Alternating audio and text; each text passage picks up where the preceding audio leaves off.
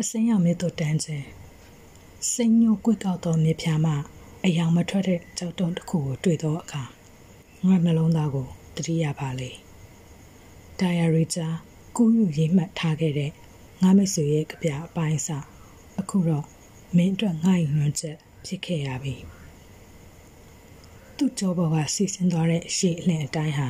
သူ့မျက်ရည်တွေပါပဲလို့အတိတ်ပဲဖွင့်ဆိုခဲ့လင်တော့မြစ်တမြစ်ဆိုတာ ကျိန်စာတဲ့တဲ့နေ့တွေကိုပဲသူပျော်ရွှင်လိမ့်မယ်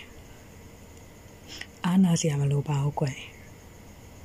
မင်းလှော်ခတ်ဖူးခဲ့တဲ့ငါနှလုံးသားရာဇဝင်မြစ်ချင်းတစ်လျှောက်အငွေးပြန်မှုတွေနဲ့သူ့ချောက်ခဲ့ပြီမဟုတ်လား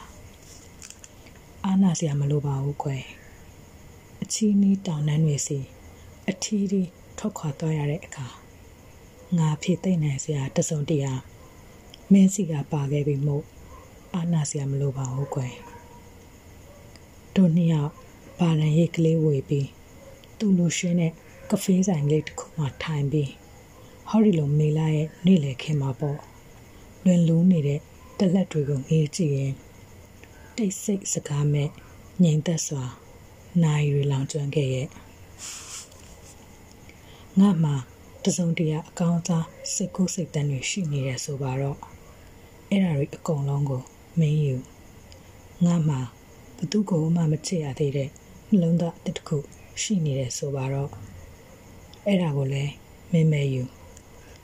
ငါဖောက်ခဲ့ပြီးသမျှလမ်းအလုံးပေါ်မင်းလျှောက်သွားငါရတဲ့ရထိုက်သမျှ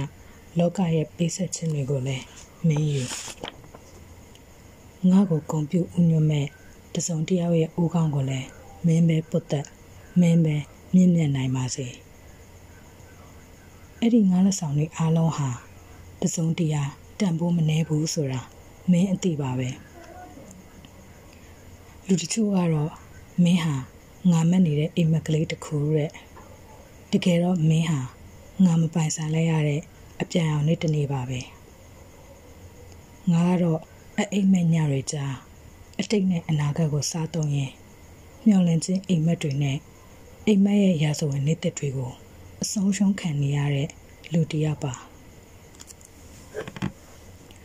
တို့တူနဲ့တူပေါင်းစည်းညီညွတ်ခဲ့ဖို့ရဲ့တို့တူကိုတူအရှုအမှုလေးမြတ်ကြည်ညိုခဲ့ဖို့ရဲ့တို့တူပေါ်တူပိစမှုနဲ့ရယူခဲ့ဖို့ရဲ့အခုတော့အဲ့ဒီတရားတွေဟာဘသူမှကြားဝင်မနှောက်ယှက်ပဲသစိမ်းတွေလိုဝေးကွာခဲ့ကြပေါ့သူဝတ်ထားတဲ့အရှိကုန်ကို သူ့ကိုယ်တိုင်စွန့်ခွာရတဲ့အခါမြစ်တမြစ်ဆိုတာကတော့မွေတကောင်လုံးမပျော်ရွှင်နိုင်ဘူးပေါ့အားနာစရာမလိုပါဘူးကွယ်ငါပိုင်ဆိုင်ခဲ့တဲ့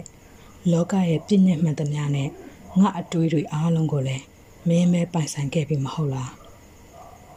ဟင်းလင်းပြင်ကြီးကိုတော့ငါကိုယ်တိုင်ပဲ